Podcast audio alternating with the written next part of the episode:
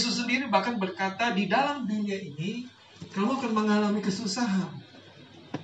Tapi bukan berarti itulah segala-galanya. Bahkan di dalam dunia kamu akan mengalami penganiayaan. Tetapi bukan berarti itulah segala-galanya hidup kita. Itu semuanya seperti Mas Daud berkata, sekalipun aku melewati lembah baka, lembah air mata, tetapi aku akan berjalan makin hari makin bertambah kuat. Ya, hendak menghadap Allah di Sion. Itu sebabnya satu hal yang paling penting saudara dalam kehidupan setiap kita anak-anak Tuhan. Waktu lepas waktu, khususnya tahun demi tahun, menutup tahun 2019 dan memulai tahun 2020 kita harus punya pandangan mata iman dalam pengertian rohani yang semakin tajam kepada rencana Tuhan. Katakan amin.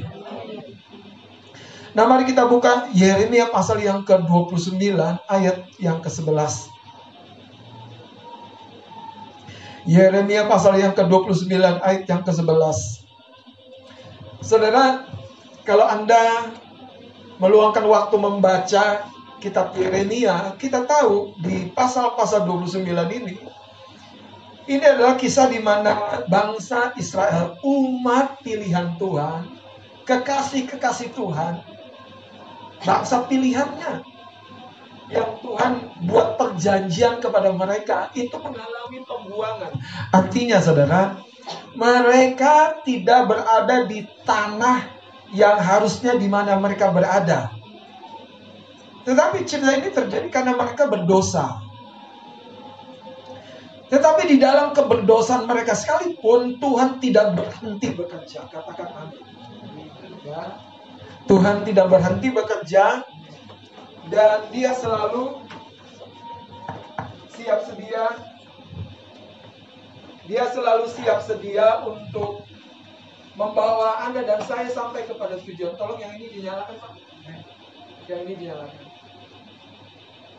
Baik. Dia siap sedia membawa kita sampai kepada tujuan. Sekali lagi dia siap sedia. Amen. Tapi bagian kita adalah merespon, merespon, merespon. Nah, kita akan baca ayat yang ke-11 bersama-sama. Dua, tiga. Sebab aku ini mengetahui rancangan-rancangan apa yang ada padaku mengenai kamu. Demikianlah firman Tuhan yaitu rancangan damai sejahtera dan bukan rancangan kecelakaan untuk memberikan kepadamu hari depan yang penuh harapan. Ayat ini saudara disampaikan dalam sebuah konteks ketika umat Tuhan sedang mengalami sebuah perasaan tidak berdaya. Mereka menjadi bangsa yang dibuang, bangsa tawanan, mereka jadi orang-orang yang tidak bisa menikmati tanah kelahiran mereka sendiri. Ya. Dan bagaimana dengan kita hari ini? Mungkin kita percaya Tuhan memberkati, Tuhan menolong, tapi dalam prosesnya kita belum melihat itu. Saudara, jangan berduka cita, bahkan jangan merasa sepertinya Tuhan tidak peduli, tidak melihat engkau dan saya. Lihat firman Tuhan pada hari ini. Ayat yang ke-11 ini dikatakan, Sebab aku ini mengetahui rancangan-rancangan apa yang ada padaku. Jadi sebelum segala sesuatu terjadi, Tuhan sudah punya rencana. Tuhan punya sesuatu di hatinya untuk engkau. Bahkan saudara, dari ayat ini kita tahu tidak ada sesuatu yang merupakan yang mengagetkan buat Tuhan. Dia tidak terkejut dengan berkat-berkat yang luar biasa. Kita yang terkejut. Karena itu yang dia rencanakan. ya. Kita terkejut-kejut. Dia bersuka cita. Bahkan saudara dengan tantangan pencobaan bahkan masalah-masalah yang terjadi dalam hidup kita tidak ada yang merupakan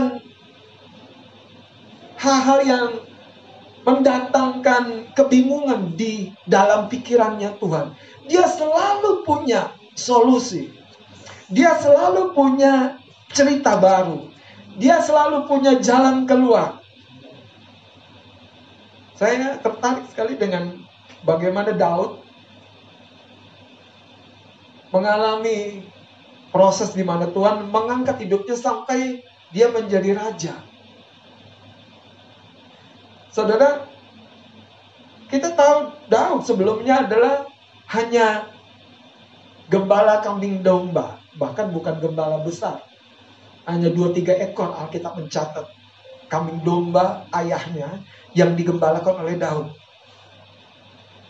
Tetapi saudara, kehidupan Daud ini tidak berhenti di situ.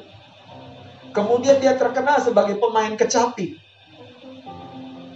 Bahkan saking ahlinya, banyak orang mengagumi permainannya. Dan ketika Raja Saul membutuhkan seorang pemain kecapi, Daud dipromosikan, Daud di, disampaikan. Ada seorang, nah ini Daud. Daud berangkat ke istana raja. Yang menarik saudara, setelah proses itu, Daud diurapi untuk menjadi raja oleh Nabi Samuel. Tapi ceritanya tidak berhenti di situ. Daud kemudian ditugaskan untuk mengantarkan bekal makanan dan titipan ayahnya Isai untuk disampaikan kepada anak-anaknya yang sedang di medan peperangan. Saudara, perkara-perkara biasa, bahkan Tuhan buat itu semuanya terangkai untuk menggenapkan sesuatu yang luar biasa dalam kehidupan kita. Coba seandainya Daud bilang begini, aduh, aku terus yang disuruh. disuruh jaga kambing domba, disuruh nganter makanan, disuruh, disuruh, disuruh, disuruh, disuruh. Tapi yang menarik saudara, kalau Daud tidak disuruh mengantar itu, Daud tidak jumpa dengan Goliat.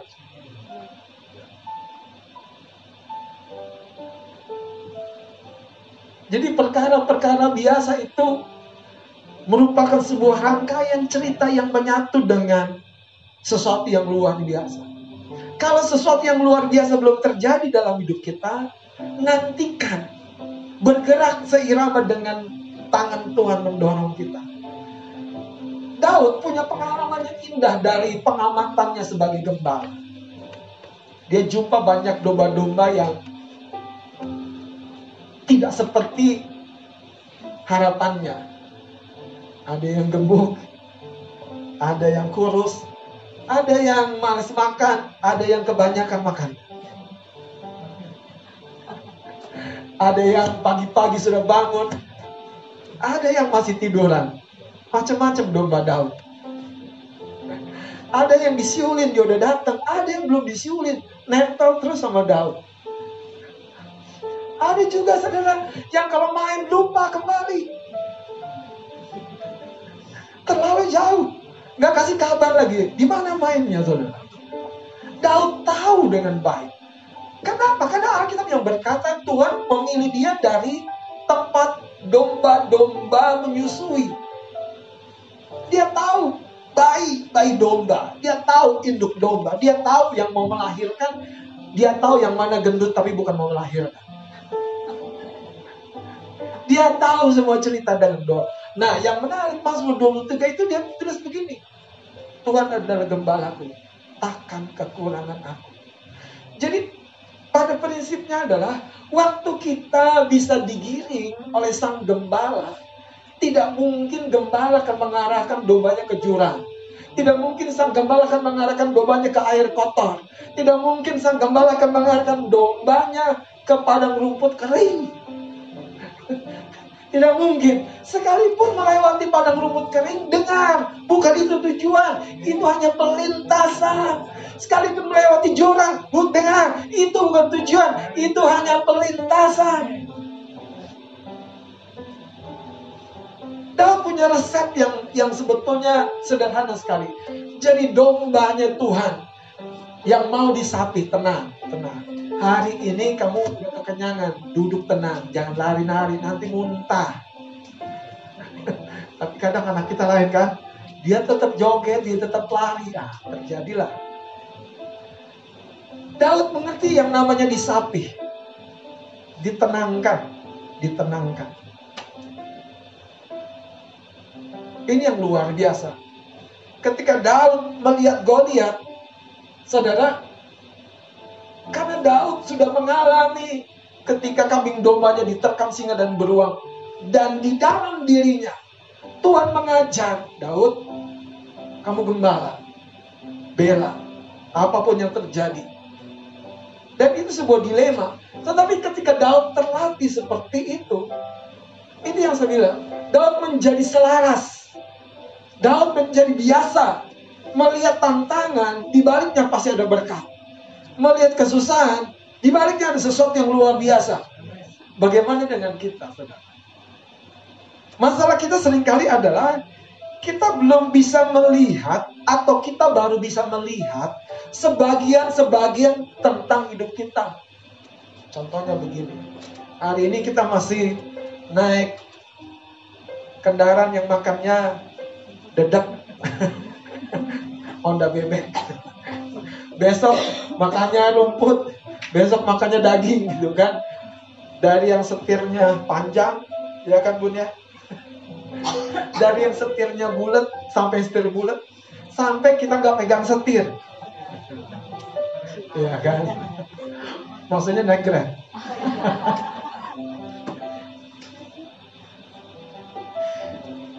Gini, tergantung bagaimana kita melihatnya.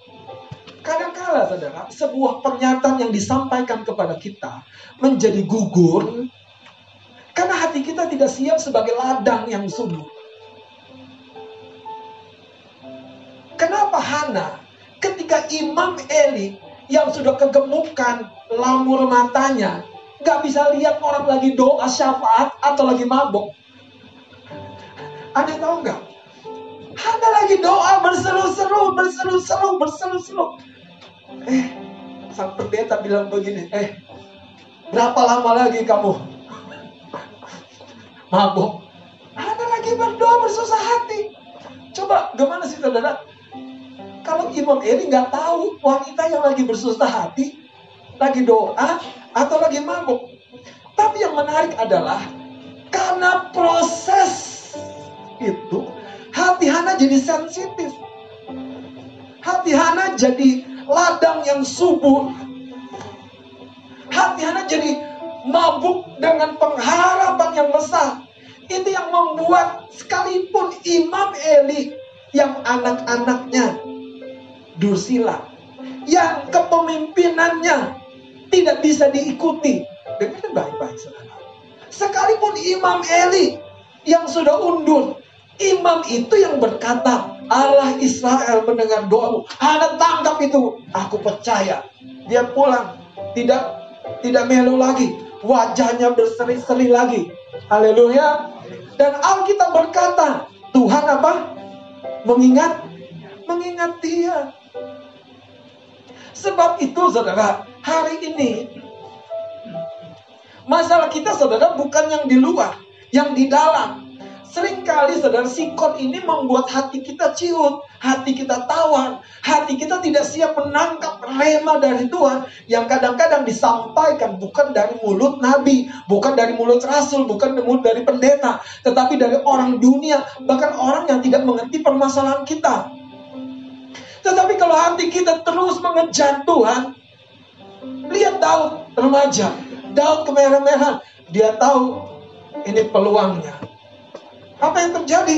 Ejekan Goliat itu menjadi sebuah panggilan ilahi buat Daud untuk bertempur. Wow. Anda tahu? Daud itu direndahkan. Anjingkah aku sehingga kamu mendatangi aku dengan tongkat? Betul saudara. Betul. Raja Saul sudah ketakutan. Seluruh tentara-tentara yang besar yang terlatih itu sudah ketakutan. Makanya begini, saudara. Kalau kita meremehkan manusia rohani kita, tidak heran. Kita akan seperti Saul, kita akan seperti tentara Israel. Hebat mereka, perlengkapan mereka kuat, pengalaman perang mereka ada, tetapi keberanian iman mereka tidak ada lagi. Daud melihat Goliat ini dia bilang ini pertama, siapa ini yang tidak bersunat ini. Pertama apa? Daud tahu tentang ikat janji. Seorang yang dalam ikat janji, tidak pernah akan dibiarkan tergeletak. Tuhan punya ikat janji kepada orang ini. Ini sebabnya Daud dibangkitkan dari kegagalan yang paling parah. Petrus ditolong oleh gurunya sekalipun sudah menyangkal. Yudas, kalau dia tidak bunuh diri, Tuhan akan pulihkan juga. Saudara, yang kedua, Daud punya pengalaman pribadi tentang Allahnya yang di medan peperangan itu dia tidak lihat. Jadi Anda kadang-kadang gitu kan, cari Tuhan di luar. Tuhan di sini, saudara. cari Tuhan di badai. Tuhan di sini. Makanya waktu lihat Goliat itu, saudara, semua tentara Israel takut karena mereka tidak punya iman. Mereka nggak bisa lihat Tuhan di dalam kehidupan mereka pribadi. Betul nggak? Makanya gini Daud bilang apa? Allah yang melepaskan aku dari cakar singa, Allah yang melepaskan aku dari cakar beruang, dia juga yang akan memberikan kepalamu kepadaku. Hari ini saudara, jangan berhenti menatap masa depan kita dari kacamata Tuhan. Mungkin Anda seperti Daud tadi, masih gembala kambing domba. Tapi jangan berhenti melihat, aku akan jadi raja. Ada amin? Haleluya. Anak-anak muda, jangan berhenti di tangga satu kedua turun lagi, satu kedua turun lagi, satu kedua turun lagi. Makanya bekali diri sadar, percaya Tuhan sedang mempersiapkan aku sekarang untuk masa depan. 2019 ini harusnya bukan sekedar kita nikmati, tetapi merupakan persiapan untuk memasuki 2020. Kacamata rohani kita harus makin jernih, makin tajam, melihat Tuhan yang tidak mungkin dan tidak boleh dan tidak bisa meninggalkan kita, bahkan sekalipun kita berdosa. Oh iya, saudara. Tuhan gak pernah meninggalkan kita sekalipun kita berdosa loh. Kita yang undur dari hadiratnya. Tapi Tuhan nungguin kita terus. Bahkan matanya memperhatikan kita. Bahkan dia kirim banyak orang untuk menjaga dan menolong kita. Itu yang terjadi dengan siapa? Yunus. Tidak dibiarkan saudara semua kejadian-kejadian yang menimpa Yunus membinasakan Yunus. Kenapa? Ketika dibuang ke laut yang sedang bergelora. Tidak dibiarkan saudara. Tapi sengaja diutusnya ikan yang besar menelan Yunus. Dia dibiarkan dimuntahkan di laut lepas. Tapi Yunus dimuntahkan apa? Ke daratan. Makanya saudara kalau kita kok, aduh dari masalah satu ke masalah dua tenang. Masalah itu akan memuntahkan Anda ke tujuan Anda, ke destiny Anda. Haleluya. Yakub kalau dia terus melihat dirinya sebagai pekerjaannya Laban, pamannya, dia akan bilang gini, kapan aku punya pengembalaan sendiri? Kapan aku punya kambing domba sendiri? Kapan aku punya peternakan sendiri? Tetapi saudara, itulah Tuhan. Sementara dia jadi budaknya Laban, pamannya, sementara dia jadi karyawannya, di situlah Tuhan melatih. Katakan Tuhan melatih. Hari ini saudara, coba lihat 2019 ini. Apa yang sedang Tuhan latih dalam hidupmu untuk menembus 2020? Lihat saudara, cerna. Jangan sekedar nikmati. Tapi kita catat baik-baik. Itu yang Daud lakukan ketika dia menghadapi singa dan beruang. Oh, cakar ini memang bikin aku merah. Bikin aku terluka. Tapi aku tidak dibiarkan Tuhan. Haleluya. Saudara babak belur tidak mati buat Daud. Itu lebih berharga daripada duduk manis. dan membiarkan domba-domba dimakan singa dan beruang. Kenapa? Itu yang membuat Daud itu waktu menghadapi Goliat itu masih kemerah-merahan, saudara. Jadi yang saya mau bilang begini, kesuksesan kita tuh menunggu kita, bukan menunggu Tuhan. Semakin cepat kita merespon kepada proses Tuhan, Makin kita mengerti, ini tantangan kita harus hadapi.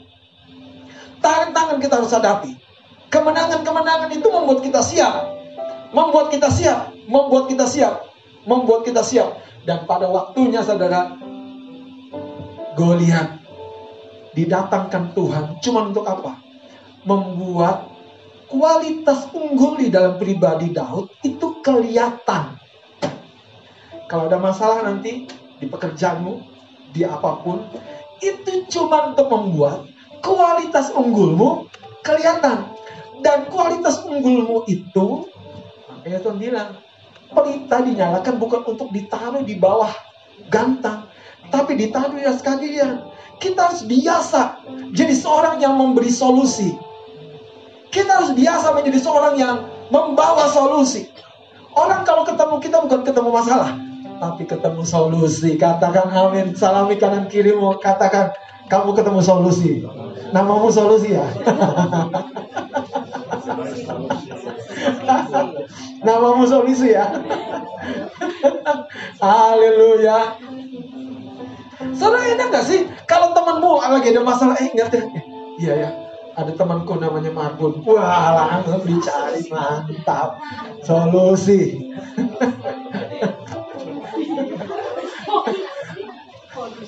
Jangan anda lagi lapar ingat Amo. Medan Ria muncul. Solusi. Solusi akhir tahun. Bahaya. Kode keras. Itu solusi yang lain. Tapi tapi betul saudara, betul. Akhirnya apa? Kualitas unggul Daud itu itu yang dibentuk, dilatih, dibentuk, dilatih, dibentuk, dilatih, dibentuk, dilatih. Daud, saudara begini, dia tidak membiasakan diri matanya itu tertunduk ke bawah. Kenapa aku usia bertambah gak ada perubahan? Daud gak begitu, saudara. Daud enjoy, sukacita. Itu yang membuat bangunnya pagi-pagi. Orang yang suka cita selalu pengen bangun lebih cepat, saudara. Saya jamin. Kenapa? Haleluya. Kalau kita punya beban, punya apa tuh, aduh, nambah lagi ya, nambah lagi, betul nggak sih? Iya kan? Tapi sekalipun punya beban berat, seperti Nabi Habakuk, sukacita, sukacita itu membuat dia beria-ria. Anda tahu nggak sih, saudara? Sukacita itu seperti bumbu penyedap yang di hidungnya Tuhan itu kan wah. Bukan masalah banyak duit. Habakuk itu boro-boro dia lagi bakul saudara. Kambing domba terhalau dari gunungan. Habakuk itu lagi bokeh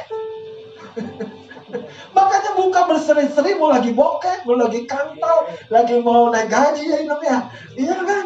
Mau lagi apa pun, pokoknya buka berseri-seri. Haleluya. Amin. Anda tahu gak sih? Sukacita itu betul-betul aroma, saudara, yang di hidupnya Tuhan tuh dia senang. Karena dia Tuhan yang bersuka cita. Itu yang membuat Daud ketika menghadapi Goliat itu membawa bekal sukacitanya. Hmm. Dia lihat Goliat, dia lari ke sungai. Dia cari lima batu yang biasa digunakan untuk mengusir kalau ada singa dan beruang mengganggu domba-domba.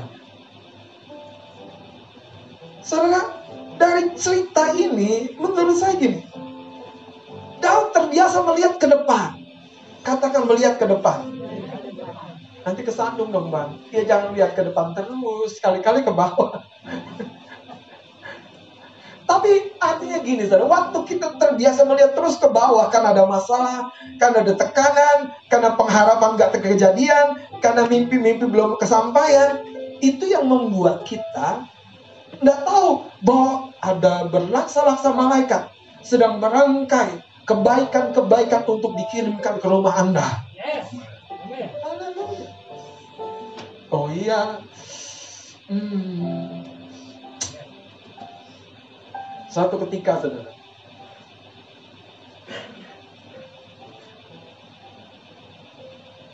Elia bersama dengan bujangnya ada di sebuah rumah dikepung oleh tentara Arab. Bujangnya melihat keluar ketakutan. Elisa kalau salah, iya Elisa. Melihat tentara-tentara yang besar itu. Tentara yang banyak itu berkuda, berpasukan. Ketakutan dia. Terus apa yang dilakukan oleh Elisa? Tuhan, buka mata hambaku ini supaya dia tahu bahwa yang menyertaiku. Elia nggak bilang yang menyertai, Elisa nggak bilang yang menyertai kita, yang menyertaiku itu lebih banyak daripada mereka. Ketika dibuka saudara tercatat gunung itu penuh dengan kereta kuda, bala tentara, bala tentara malaikat surga.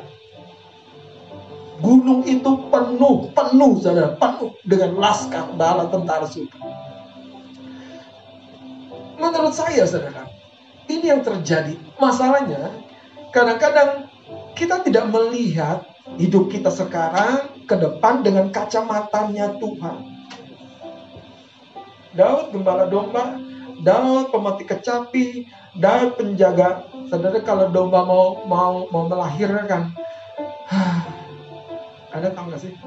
Kalau di UGD yang ada angker tuh udah sekarang. Kira-kira gue, ini deg-degan sudah. Yang ada antar udah sekarang, UGD-nya penuh lagi. Daud pernah saudara dalam situasi seperti dan itu yang membuat dia saudara. Kalau Ahok bilang, Pak, Bapak suka sakit jantung gak sih? Marah-marah terus? Ya udah biasa sih, udah latihan. Daud udah latihan sedang menghadapi tantangan. Mari kita lihat kitab Efesus. Hmm. Efesus pasal yang pertama. Segala sesuatu, perkara-perkara biasa dirangkai untuk mendatangkan hal yang luar biasa. Ketika kita siap, kita matang, kapasitas kita unggul, keterampilan kita sudah sampai di poinnya.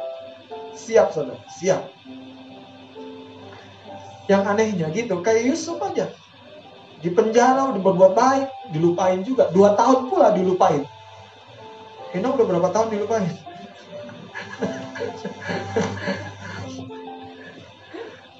Yusuf dilupain dua tahun. Tapi ketika Tuhan sudah melihat Yusuf matang hatinya tidak melihat kepada karunia-karunianya. Melihat Tuhan sumbernya. Sumbernya. Tuhan memunculkan Yusuf jumpa dengan orang nomor satu di Mesir. Dan orang nomor satu ini sampai salut. Salut. Saya berdoa ada banyak orang akan bilang aku salut sama kamu. Pengalamanmu masih dangkal, tapi ada hikmat di dalam dirimu. Wow. Iya, engkau masih kemerah-merahan. Sekalipun agak hitam di dibanding matahari. Tetapi kalau kamu ngomong, hatiku teduh gitu. Saudara kualitas yang di dalam ini penting. Nah, lihat saudara. Efesus pasal yang pertama yang ketiga saya akan baca ya. Katakan haleluya. 2019 ini saudara persiapan untuk 2020. Sekali lagi saudara tangkap apa yang sedang Tuhan bentuk, Tuhan persiapkan, Tuhan ajari pertempuran Daud melawan singa dan beruang itu ternyata persiapan gitu maksud saya. Baik, ayat yang ketiga. Mari kita akan baca ayat yang ketiga. Hmm. Sampai ayat yang ke-10, 2 3.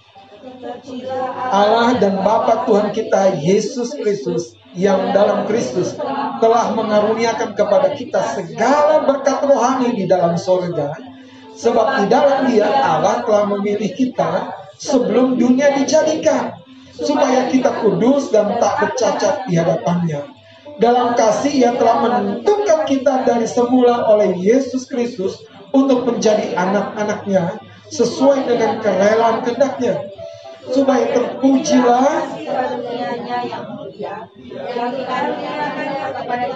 di dalam dia yang dikasihinya Sebab di dalam dia dan oleh darahnya kita beroleh penebusan yaitu pengampunan dosa menurut kekayaan kasih karunia-Nya yang dilimpahkannya kepada kita dalam segala hikmat dan pengertian.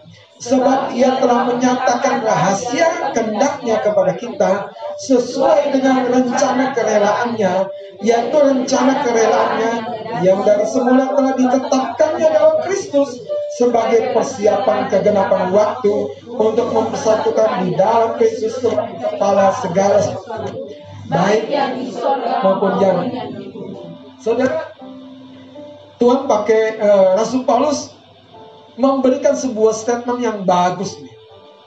Lihat saudara. Ayat yang ke tujuhnya.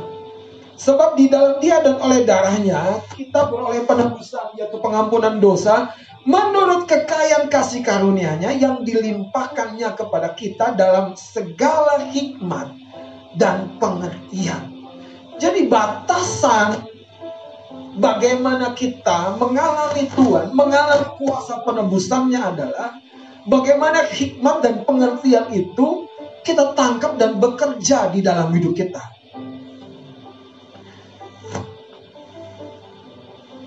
Lihat lagi ayat yang ke-9. Sebab ia telah menyatakan jadi Allah di surga Tuhan dari semesta alam ini pencipta langit dan bumi, segala sesuatu diciptakan oleh Dia dan karena Dia. Dikatakan telah menyatakan rahasia. Rahasia kehendaknya kepada kita. Kalau dia nyatakan rahasia kehendaknya, ini yang membuat kita melihat ke depan tuh dengan makin jernih. Aku tahu ini sebentar saja. Aku tahu ini cuman itu tadi Yeremia 29 ayat 11. Sementara saja Tuhan mempersiapkan sesuatu yang baru, yang lebih dahsyat, yang lebih besar akan aku terima dan alami. Lihat ayat yang 9. Sebab ia telah menyatakan rahasia kendaknya kepada kita sesuai dengan rencana kerelaannya. Apa maksud rencana kerelaannya? Artinya dia merencanakan hal-hal yang luar biasa, yang baik, yang besar itu bukan karena kebaikan kita, kesalahan kita. Belum kita bahkan lahir ke muka bumi, belum kita mengalami kejatuhan, kegagalan, kebangkitan, keberhasilan, sebelum kita mengalami pengenalan pribadi dengan Yesus Kristus. Dia telah menetapkan rencananya itu. Seperti Yeremia 29 ayat 11 itu. Karena itu, sesuatu yang mengagetkan buat dia. Kalau kita jatuh ke dalam lubang, dia sudah siap, saudara. Caranya, strateginya untuk mengangkat kita keluar dari lubang. Lubang apa pun yang kita alami hari ini. Dalam masalah ekonomi, kesehatan, dia sudah sediakan. Bagaimana caranya? Dia menegaskan dia sudah menyediakan. Lihat saudara di sini. Di sini poinnya 9. Ayat 9 bagian akhir. Yaitu rencana rencana kerelaan yang dari semula telah ditetapkannya di dalam apa? Di dalam Kristus. Jadi waktu kita di dalam Kristus, kita masuk satu area yang namanya segala sesuatu sudah disediakan. nah, prosesnya kalau kita bertumbuh saudara secara rohani itu yang membuat kita melihat segala sesuatu yang sudah dia sediakan. Mundur sedikit ke ayat yang ketiga. Tolong seorang baca dengan keras. Ya. Terpujilah Allah dan Bapa Tuhan kita Yesus Kristus yang dalam, yang dalam Kristus sekali lagi ditegaskan. Terus? Yang dalam Kristus telah mengaruniakan telah mengaruniakan kepada kita segala berkat rohani. segala berkat yang sifatnya apa? Rohani. Itu sebabnya tadi saya bilang mata rohani kita semakin jernih makin clear. Apa yang membuat kita tidak jernih melihat masa depan kita? Tadi kekecewaan kegagalan pahit. Semua memori-memori negatif kosongkan itu anda bersihkan itu. Sehingga waktu kita memasuki masa seperti dalam menghadapi Goliat, nggak ada ketakutan, nggak ada ketawaran hati. Kalau saja Daud berkata begini, apa harus aku yang menghadapi Goliat? Terjadi nggak Daud akan dipromosi? Enggak. Banyak, saudara. Hal-hal yang diperhadapkan kepada kita itu sepertinya tidak cocok dengan manusia lahiriah kita. Itu sebabnya mari siapkan manusia batiniah kita. Manusia batiniah kita adalah manusia di dalam ini yang harusnya menguasai manusia luar ini. Manusia luar kita kita ber, uh, berkata begini, nanti aja melangkah. Tapi yang di dalam ini berkata, kalau tidak sekarang, kapan lagi? Itu sebabnya saudara, yang diserang oleh roh jahat itu manusia batiniah. Manusia batiniah kita saudara diserang oleh roh jahat dengan apa? Roh kemarahan. Kita waktu marah kehilangan sukacita, terganggu semua. Kalau boleh saya bilang, antennya rohani kita rusak saudara. Kita nggak bisa lagi mengetahui bagaimana Tuhan sebetulnya akan mengarah kita kepada jalan berkat.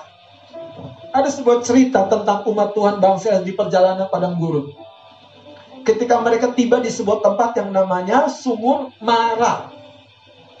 Pernah dengar? Ya, Sumur Mara. Mereka sudah kehausan. Ketemu sumur. Ketika mereka timba air dari sana apa? Pahit. Pahit. Dan ketika mereka minum air pahit itu mereka mengeluh, komplain, marah, dan sayangnya mereka tidak tahu itu sebenarnya pelintasan. Di sana ada yang satu tempat lain yang namanya Elim. Di Elim itu saudara terdapat berapa? 70 pohon korma, 12 mata air. Bicara tentang kecukupan dan kelimpahan yang Tuhan sediakan. Cuman prosesnya. Waktu kita menghadapi marah, jangan cepat komplain, saudara. Itu cuma pelintasan. Katakan cuma pelintasan. Lihat terus ke depan. Lihat kepada tujuan. Lihat kepada sasaran. Saudara jangan bilang begini. Ah memang bukan jatahku. Banyak saudara kadang-kadang kita sudah melepaskan pengharapan kita. Aku nggak mungkin sembuh. Siapa yang bilang? Aku nggak mungkin diberkati. Siapa yang bilang? Aku nggak mungkin berumah tangga. Siapa bilang? Sekali lagi saudara, kalau kita izinkan melihat diri kita dengan kacamata firman, dan terus saudara kita lihat dengan kacamata firman, bahkan yang semakin clear, makin jernih, itu yang membuat saudara manusia roh kita merespon seperti Daud merespon dan membawa tubuhnya yang kecil dengan baik-baik. Kalau dia menghadapi Goliat dengan pengalamannya nggak ada pengalaman berperang. Yang dihadapi tentara. Makanya Raja Saul bilang begini, eh anak muda, itu si Goliat tentara itu sejak dari mudanya sudah jadi tentara dia. Mana mungkin kamu menghadapi dia? Kamu pegang tombak aja nggak bisa.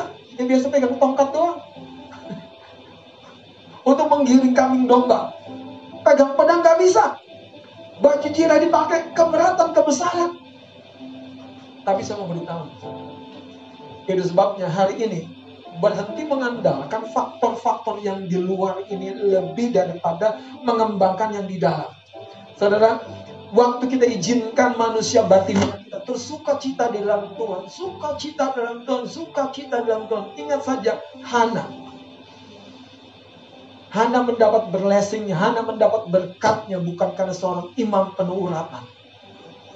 Hana mendapat berkat bahkan di titik di mana orang rasanya tidak mau diberkati pernikahannya, keluarganya oleh seorang imam seperti Imam Eli.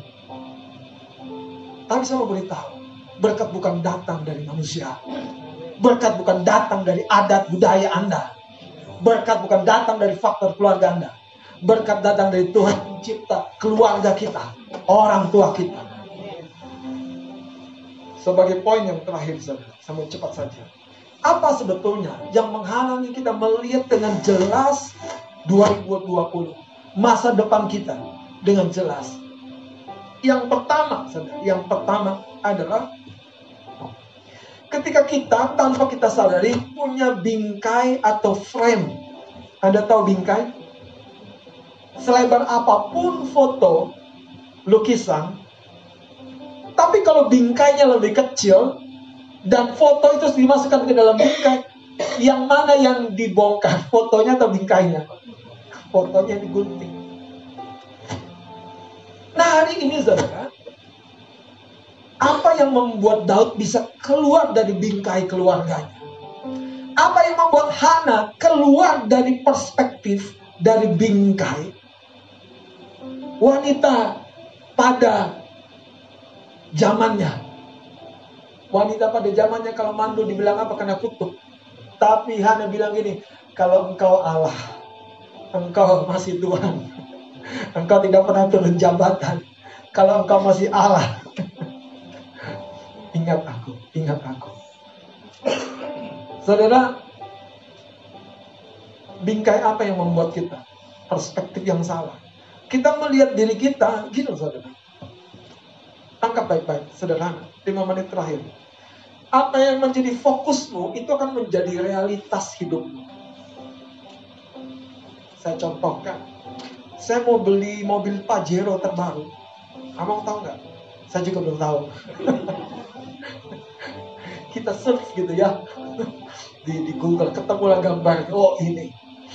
Terus di jalan, apa yang kita cari? Pajero tipe yang baru lihat Pajero yang lama, kita akan bilang, oh bukan ini, ini bukan baru, ini yang lama.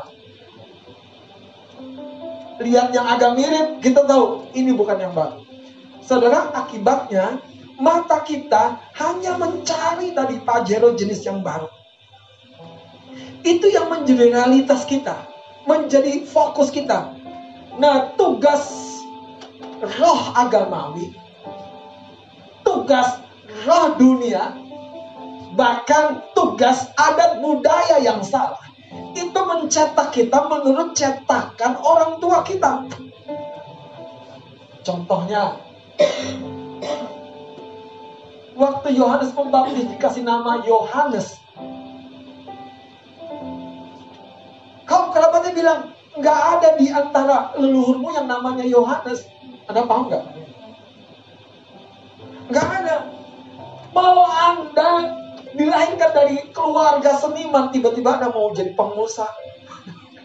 Kalau itu yang di dalam saudara jangan biarkan frame-nya itu membuat anda mengeringkuk anda pernah lihat pohon bonsai nggak? Pohon bonsai hidup nggak? Hidup ya. Kenapa dia bisa hidup?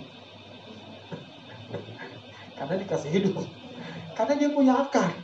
Cuman apa yang membuat dia tidak bisa kembang besar Kutukan. Kutukan. Anda tahu?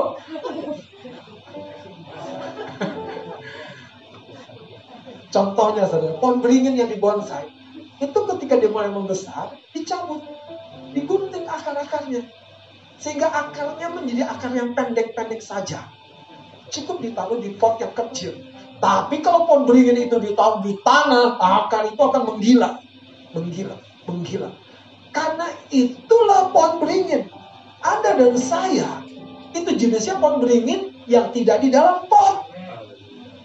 Apa yang menggunting akar kita tadi? Yang dari dunia, yang dari mungkin budaya keturunan orang tua kita. Udah landu, ngapain wanita sekolah tinggi-tinggi? Aku ini keturunan akar tinggi. Nanti juga wanita ke dapur ya Ngapain sekolah tinggi-tinggi? Nanti juga ke dapur. Gak mau. Amung cukup S1, aku S3.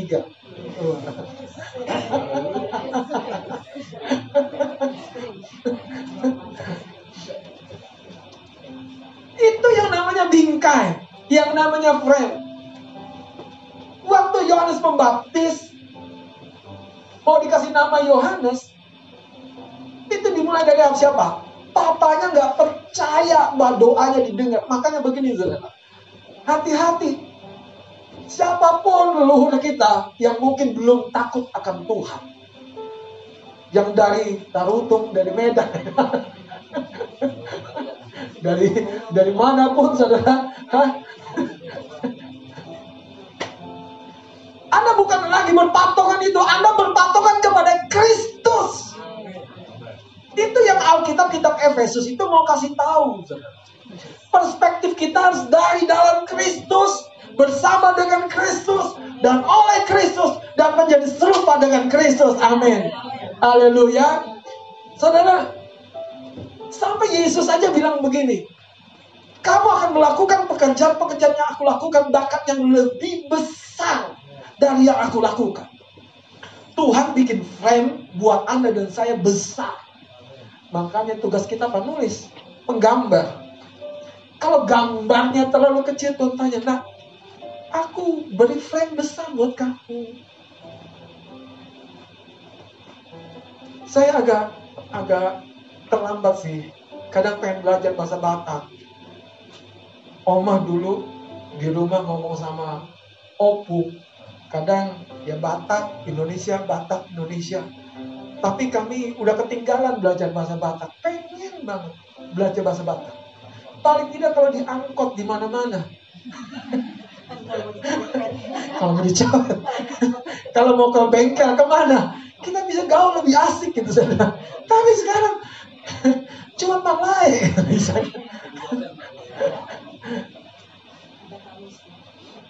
Nah, keponakan saya namanya Jerry. Papa mamanya Batak. Kemarin kami ulang, eh dia ulang tahunan, papanya bilang, kamu bersyukur. Anakku Jerry. Papa nggak bisa bahasa Inggris. Kamu bisa bahasa Indonesia, bisa bahasa Batak, kamu bisa bahasa Inggris. Papanya pengacara. Anaknya pengen jadi pengacara. Tapi saya percaya dia akan menjadi lebih dari pengacara. Hari ini gini saudara, jangan tunda kemajuanmu itu saudara. Pentingnya. Jangan tunda pembelajaranmu, pembentukanmu. Selesaikan babak-babak yang tertinggal di 2019 ini. Catat dengan baik. Tentang keuangan, tentang apa pun itu, tentang hubungan. Berangkat dari firman, kacamatanya dikenakan dengan baik. Kristus sudah menyediakan segala sesuatu hidup untuk hidupku. Yang kedua, apa yang menghalangi kita, saudara? Yaitu roh-roh jahat. Roh-roh jahat. Betul-betul roh-roh jahat. Kitab yang sama, kitab Efesus itu menuliskan demikian. Mari kita uh, kunci dengan bagian ini.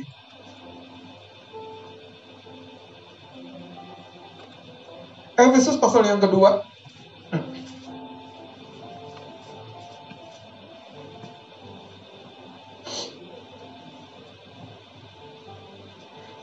Efesus pasal 2 ayat yang pertama. Lihat ayat yang kedua. Kamu dahulu sudah mati karena pelanggaran-pelanggaran dan dosa-dosamu. Sudah ketemu Efesus pasal yang kedua. Ayat yang kedua. Kamu hidup di dalamnya karena kamu apa? Halo? Mengikuti jalan? Jadi ternyata kita tuh seperti maaf Seperti domba dari roh dunia. Roh dunia menggembalakan kita Mamon kah? Kesenangan duniawi kah? Alkitab berkata gini, karena kamu mentaati penguasa kerajaan angkasa, yaitu baca, roh yang sekarang sedang bekerja, roh tersebut sedang bekerja. Roh jahat ini saudara, yang sering mencuri fokus kita. Kira-kira seminggu yang lalu, di rumah. Isi saya siapkan kacang lele sama kacang oven. Enak. Di stoples satu stoples stoplesnya stoples tupperware. Jadi ada dua bagian gitu. Dituang situ tutup rapat. Satu pagi saya lihat stoplesnya banyak semut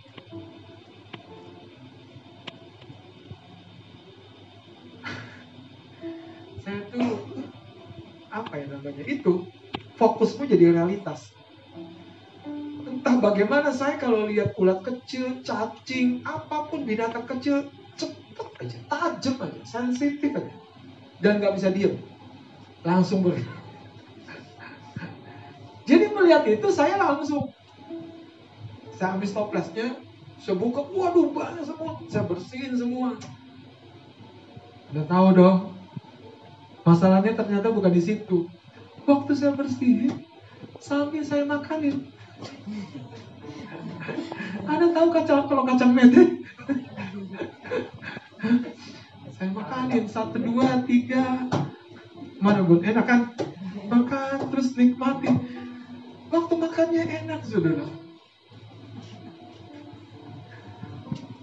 Hari berikutnya di sini kencang saudara, nggak bisa nengok. Saya pikir kenapa Tuhan?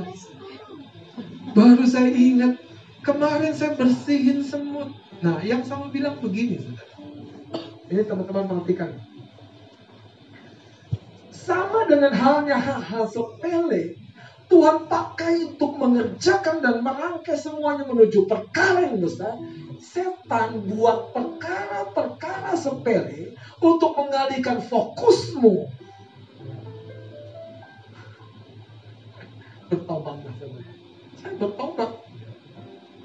Jadi jangan merasa kuat.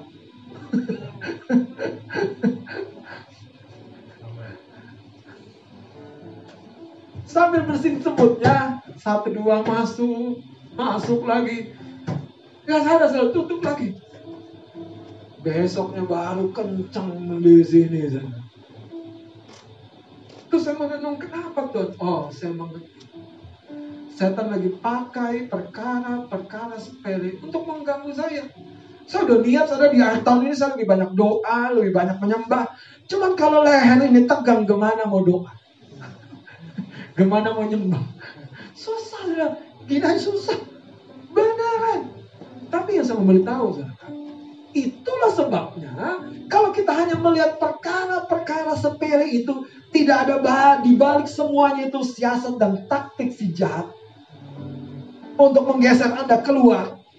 Keluar dari perjalanan seperti Daud menuju medan perang, berjumpa dengan Goliat, membuat saya keluar dari waktu-waktu di mana harusnya saya mengalami lebih dalam lagi persekutuan dengan Tuhan. Akhirnya saya sadar dan minta ampun. Dan itu yang sering terjadi, perkara-perkara sepele. Menghilangkan sukacita kita, menghilangkan peluang kita, menghilangkan kesempatan kita, menghilangkan apa pun yang sebetulnya saudara sudah di depan mata. Di depan mata, di depan mata, di depan mata. Jadi saya bertobat entah ke mana kemarin saya pulang semutnya datang lagi makan lagi dong bang. Enggak. Gak tahu diri. Saya bersihin semutnya sebuah. Ternyata saya nggak tahu bagaimana itu bisa terbuka. Sekarang tutupnya nggak menghadap atas tutupnya sebalik gitu setan apa pun yang mau coba buka buka sana. Yang saya mau bilang begini saudara, sayangi waktu-waktu yang penting. Akhir tahun ini bukan sekedar happy. Akhir tahun ini masa pembekalan di mana Anda menginjak tanah perjanjian. Anda mencapai destiny Anda. Tapi kalau Anda tidak lihat prosesnya Daud, jadi domba yang mau digiring. Daud, bapaknya bilang gini, Daud, sini,